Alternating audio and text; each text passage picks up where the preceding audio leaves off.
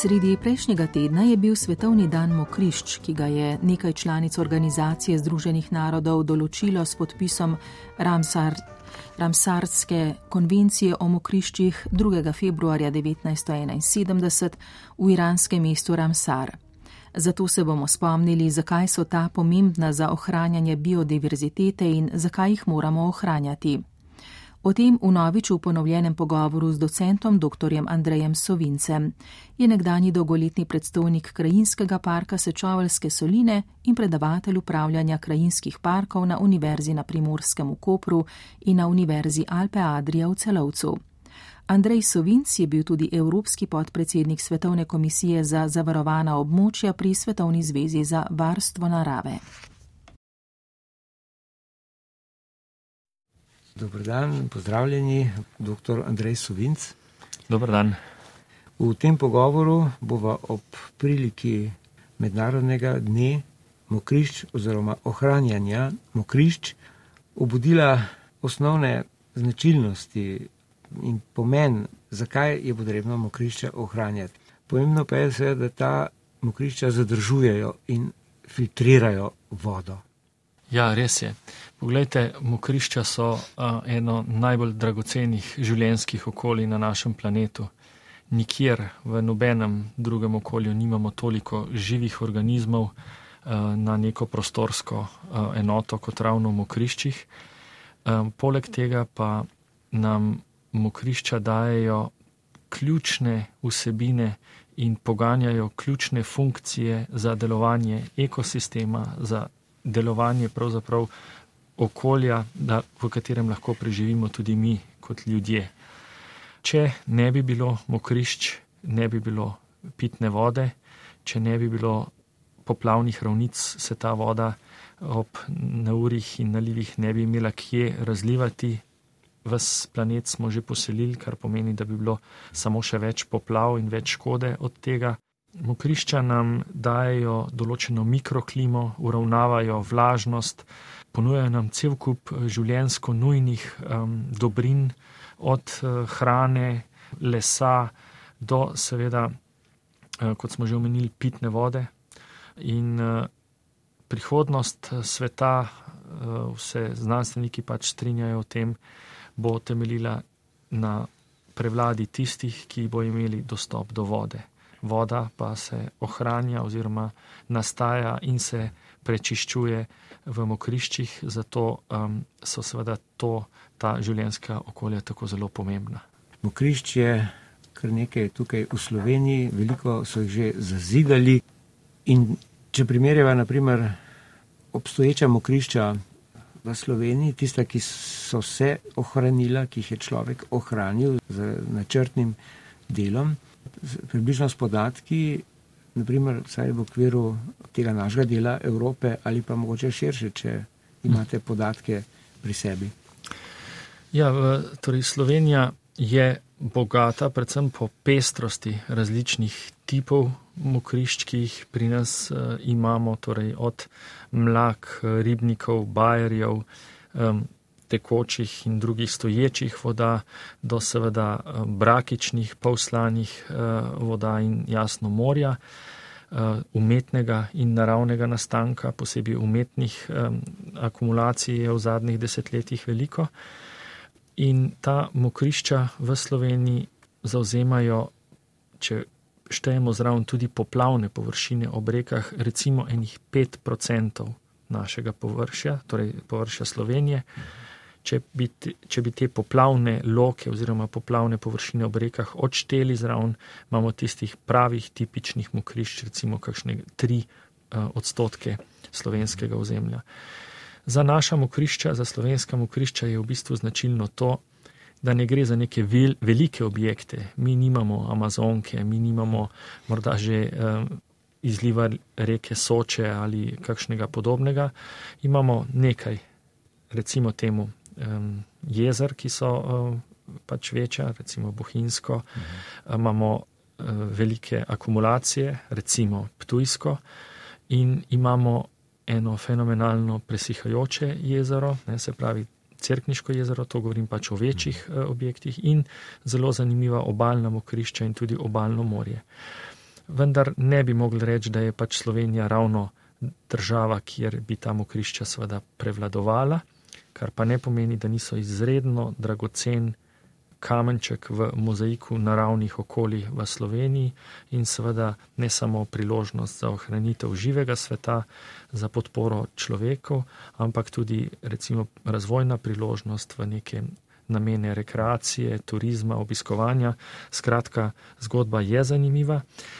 Um, mokrišč v Sloveniji je bilo seveda več, bistveno več. Največje je bilo Ljubljansko barje. Ne? In ravno Ljubljansko barje sem morda hotel izpostaviti, je nosi eno tragično figuro, po moje. Ivan Cankar je v svojih delih govoril o neki negativni izkušnji z morostom, z leglom, z simbolom za nekaj leglo, za ostanka eh, nekih starih nenaprednih stvari, bolezni, neomogočanja sodobnega kmetijstva in tako naprej. Se pravi, žal nam je dal na ta način neko negativno konotacijo za um, močvirja oziroma mokrišča. Ne mislim pač, da je on osebno kaj kriv, ampak uh, ljudje pač tako dojemamo ta življenjska okolja. No, mislim, da se zdaj k temu vendarle se to zdaj spreminja. Danes že prihaja čas, ko se je treba odločati med traso avtoceste, ki naj gre čez neke intenzivne kmetijske površine ali čez neko lepo mokrišče. Mislim, da je zavest eh, ljudi o pomenu mokrišč za ohranjanje življenja na tem planetu se vendarle v zadnjih letih toliko dvignila, da danes pa ne bi več tako zlahka samo potegnili črto čez neko mokrišče, ampak bi vendarle saj vsaj primerjali tudi varianto, ki gre čez kakšne človeku bolj, rekel, um, koristne v narekovaju površine, kot so neke obdelovalne površine. Skratka, hočem reči, da se počasi ljudje zavedamo tega, da so tudi mokrišča del eh, nujnih razmer, ki jih rabimo na planetu za naše preživetje. Zdaj rekli ste, da je tukaj pri nas eh, bilo več mokrišč, omenila so barje, ampak to je že stara zgodba, še od časa Rima, so že osuševali. Eh, in potem je bolj intenzivno od 18. stoletja naprej. Ne? Ampak kdaj se je pa po vašem pri nas začel ta proces, rečemo, ozaveščanja ali pa organiziranega ozaveščenega nastopa, da se je poskušalo ohraniti to, kar pač je bilo še ohranjeno? Jaz mislim, da je Slovenija sledila nekim eh, evropskim ali pa tudi globalnim trendom, ki so konec koncev rezultirali tudi v sprejemu te Ramsarske konvencije o mokriščih leta 1971. V času teh prvih množičnih gibanj, tudi hipijev, eh, se pravi ljudi, ki so vendarle gledali na svet nekoliko drugače, ne samo z eh, stališča ekonomske, neposredne ekonomske koristi, so tudi pri nas začeli razumniki, eh, ljubitelji narave in tist, tudi znanstveniki opozarjati na pomen mokrišč. Um, mislim, da so ene takih prvih zgodb pri nas peljali na tedanjem zavodu za spomeniško varstvo, kjer so v 60. in potem v 70. letih uh, preprečili uničenje reke Soče z, termo, z hidroelektrarnami. Ko so bile varstvo de, kulturne in naravne dediščine še, še skupaj. Ja, torej to je morda malo prezrta, pa vendarle izredno pomembna eh, zgodba za varstvo mokrišč ali pa za, za, za drugačno gledanje na mokrišča. Eh, sicer pa mislim, da je ključno vlogo pri preboju miselnosti o pomenu mokrišč eno ključnih vlog odigrala borba za škocijanski zatok v Kopru, uh mhm. -huh. kjer so kolegi Eh, ki se ukvarjajo z varstvom ptic, torej tedanje, tedanje lokalno ornitološko društvo, pa seveda nacionalno društvo DOPS, ob pomoči razumnikov in tudi tehnikov, inženirjev v koncu, ob koncu 80-ih let. Uh, Društvo za preučevanje in obozovanje ptic. ptic uh, so pa uh, naredili eno izjemno zadevo, namreč območje neke neugledne, tak, takrat neugledne lagune so prepoznali kot izjemen naravni potencial in po dobri kampanji in seveda tudi pritiskih na politike uspeli pripraviti projekte za renaturacijo, za obnovo tega degradiranega območja, ki je danes biser hmm. ponudbe Kopra in širše, torej rekreativna možnost, biodiverziteta, eh, tudi um, možnost za um, pač doživljanje narave za lokalno prebivalstvo in seveda uh, takšni primeri potem štejejo. No, tudi mm. sečovske soline so verjetno ena od takšnih zgodb. Mm. No, se na obali sploh so tri takšna območja, ki kar lepo delujejo. Čeprav slišimo, da zdaj v sečoveljskih solinah z nekimi spremembami, vi niste praktično več tam, ste bili vodja teh solin, tega projekta. Sem rekel, na obali imajo kar lepo število teh treh na razmeroma mehkem prostoru, da se lepo deluje Da, res je. To, to je en, pravzaprav ena neverjetno um, uspešna zgodba povezave treh tako pomembnih naravnih območij, kot so Škocijanski zatok, Krajinski park Strunjan in Krajinski park Sečolske soline, pa še kakšen manjši naravni rezervat, morda v Fiesi.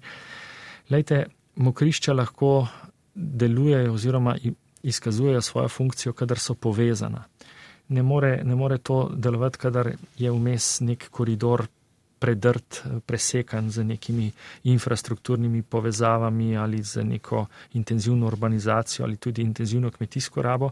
No, ta območja so uspela ohraniti svoj primarni značaj, se dobro umestiti v širšo ponudbo in zaradi, ravno zaradi te povezave, ker so te povezave med temi območji vendarle fizično še možne, so to izredno pomembne točke, naprimer za selitev ptic, ker ptice pač nujno potrebujejo Eh, takšne točke, da se lahko ustavijo, ko se selijo iz Skandinavije proti Afriki in pomladi seveda nazaj. Ne. No, ko smo že pri pticah, eh, nismo jih še omenila, razen zdaj vas, eh, ki so seveda v sploh ptice selivke neposrednji povezavi z mokrišči. Ja, tako je. Torej, mokrišča, kot sem že nekako omenil, so res bistvo biodiverzitete in še posebej seveda so pomembna za ptice. Slovenci morda ne vemo, tudi v tem se malo ve, ampak Slovenci smo orali ledino, smo bili med prvimi ali pa med najbolj uspešnimi, ko se je začelo znanstveno preučevanje selitve ptic in sicer z označevanjem ptic, ko se ptico ujame um, na različne načine, ponavadi z mrežo. Se ji na nogo natakne aluminijast obroček s kodo, s številko, se jo zmeri z tehta, pregleda, pobere ostale biometrične podatke, določi spol, starost, vrsto in se jo spusti, in v upanju, da se pač to ptico uh, spet nekje ujame in na ta način lahko izveš, kam se seli, kje se seli, koliko je tehtala uh, pred selitvijo, koliko potem, ko pride v prizimovališče in podobno. Skratka, ogromno nekih podatkov. In Slovenci smo pred 90 leti v tako imenem kustodijatu za ornitologijo uh, v Stožicah pri Ljubljani začeli takšno zgodbo. Um, in uh, Slovenci smo narod obročkovalcev ptic, ker eh, nas ni veliko, vendar eh, smo bili nekaj let v samem vrhu po številu obročkanih ptic na enega obročkovalca. Mislim, da so bili samo Finci boljši od nas, kar kaže eno izjemno predanost eh, teh ljudi, ki to dejavnost upravljajo, saj niso plačani za to, mhm. ogromno časa se za to porabi, vendar je en to en poseben užitek in um, tudi seveda prinese pomembne rezultate za znanost. Mhm. Obročkanje, opazovanje ptic, preučevanje ptic ni namenjeno samemu sebi, temveč eh, povezavi z analitičnimi podatki za razumevanje v bistvu biodiverzitete, ki pa v zadnjih desetletjih po gotovitvah mednarodnih primerjalnih podatkov pač upada. Kako to vi ugotavljate v tej mednarodni zvezi za ohranjanje narave, glede na to, eh, da zdaj navežava na tisto veliko lansko srečanje na Havajih? Ja, morda na prvi del vprašanja o pticah in njihovi ogroženosti, morda z evropske perspektive. Torej, Evropa, Evropska unija je vzpostavila nek sistem nekih prostorskih enot, neko ekološko omrežje, ki se imenuje Natura 2000 s katerim poskuša ohranjati razmere za tako za ogrožena življenjska okolja, kot za vrste, tudi za ptice.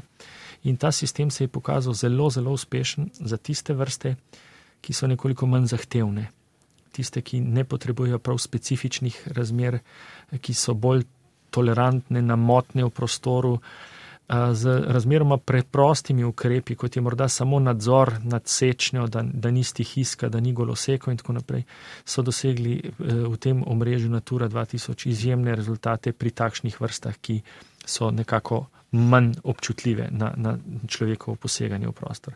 Žal pa je že tako, da vse ptice se ne znajo in ne zmorejo prilagoditi spremembam v okolju, ki jih tako rapidno povzroča človek, in za te vrste pa je zahtevano bolj strožje varstvo, in tam je pač treba, uh, morda se včasih tudi čemu odreči, ustanoviti kakšen poseben rezervat, kjer dejansko druge človekove dejavnosti niso, um, niso možne. Naprimer, sam za primer, imamo eno vrsto detla v Sloveniji, belohrbti detl ki preprosto ne more živeti v gozdu, tudi če še tako trajnostno sekamo ta gost. Potrebuje popolnoma naravn, nemoten, um, nemoten življenjski prostor, gost, ki praktično drevo lahko usklije, raste, se kot postara in pada, kot, kot, kot, so, kot so kočevski pragozdovi. Ja.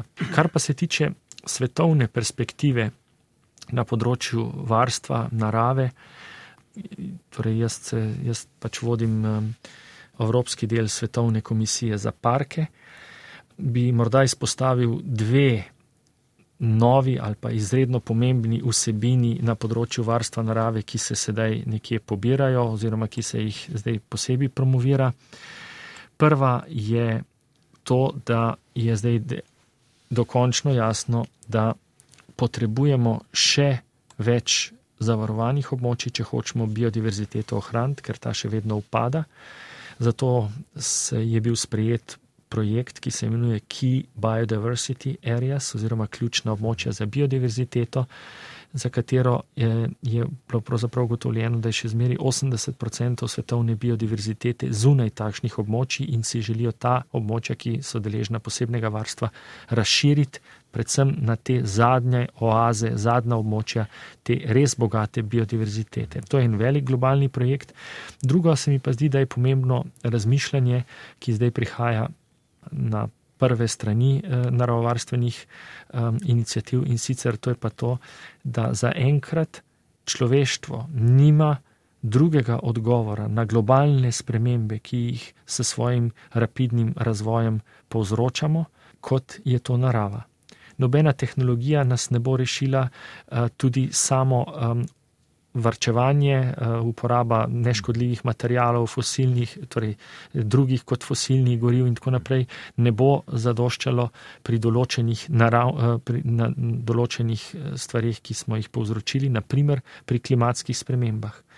Klimatske spremembe bomo uspeli rešiti, seveda ob tem, da zmanjšamo izpuste, a hkrati nam lahko zadostne količine kisika, uravnavanje mikroklime, razlivanje poplavnih voda po teh neurih omogoča samo ohranjena narava. Ta mednarodna zveza za ohranjanje narave je tudi nevladna članica Organizacije Združenih narodov. Tukaj v Evropi je problem, kot ste rekli, biodiverzitete v tem, da pač upada. To se vsako desetletje znova ugotavlja. Po drugi strani pa nimamo tako imenovanih rdečih seznamov za monitoring, ker v okviru eh, Nature 2000 se pač opazuje neke panevropsko domnevno pomembne vrste, ki pa recimo tukaj niso ključne. Nimamo pa znotraj teh zagotovljenih sredstev, sredstev za opazovanje tega, kar bi po mnenju marsikoga tukaj pri nas, ki se ohrani, ukvarja z ohranjanjem narave, in razumevanjem ohranjanja narave, bile potrebne monitoringa. Ne? Tako da, kaj pa lahko taka organizacija, kot je ta zveza na ravni Evropske unije, oziroma to je pač pan evropska reč, ni samo stvar Evropske unije. Mhm.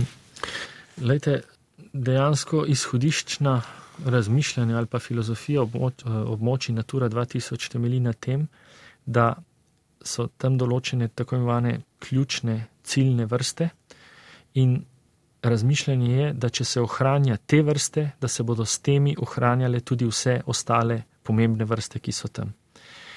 Žal, to v načelu sicer funkcionira, ampak recimo ravno za geografsko majhne države, kot je Slovenija, pa to pomeni, da na manjših površinah seveda morda pa ne zajamemo vseh tistih specifičnih vrst, ki so pri nas, recimo Slovenija s svojimi deset tisoč jamami, je nedvomno um, nekako prezrta na neki listi Evrope, uh, Evropske unije, ki seveda jam nima toliko kot mi. Mi imamo neke lokalne endemite, torej vrste, ki se pojavljajo samo tukaj, pa jih morda ni v Franciji, Nemčiji, Angliji, na nizozemskem, ki so bolj pomembne, da tako rečem, politično močne igravke pri sprejemanju takšnih um, določil oziroma vrst, ki se uvrščajo na Naturo 2000 in seveda pol takšne vrste um, odpadejo. Naprimer, če imamo mi 40 km obale morske, um, ne vem, Španci, Francozi, Italijani pa tisoče km,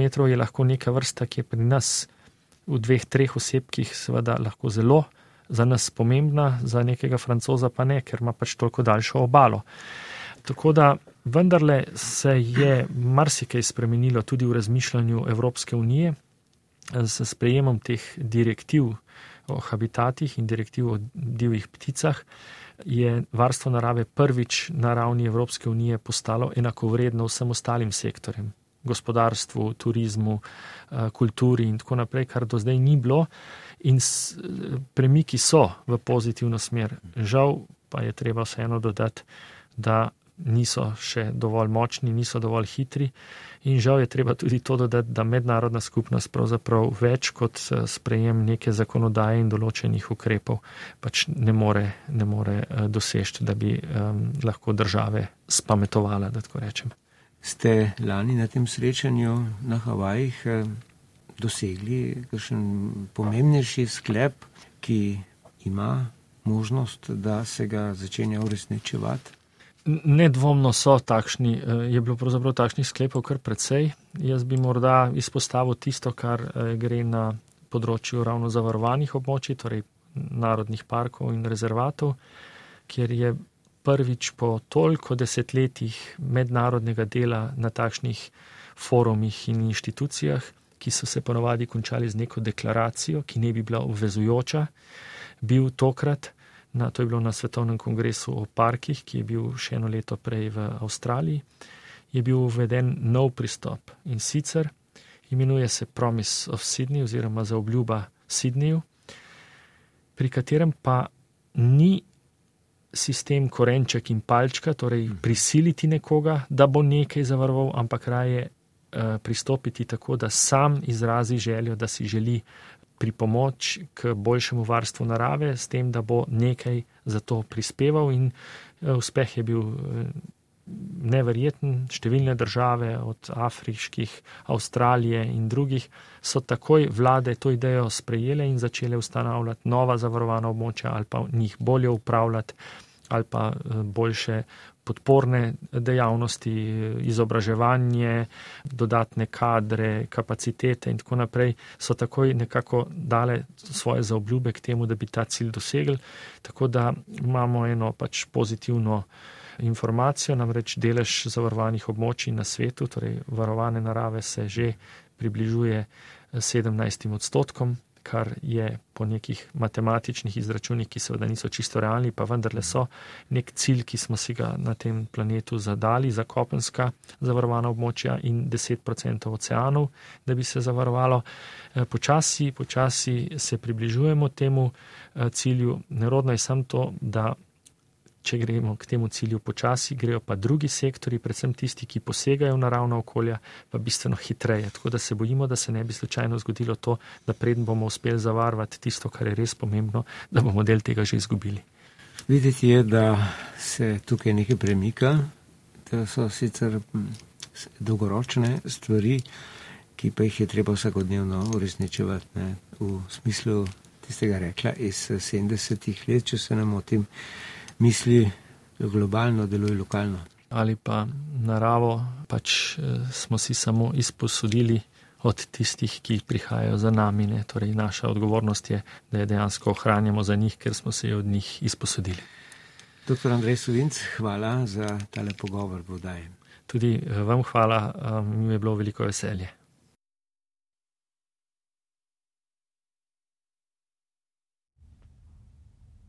Slišali ste ponovitev pogovora z dr. Andrejem Sovincem, ki ga je pripravil Goran Tenze.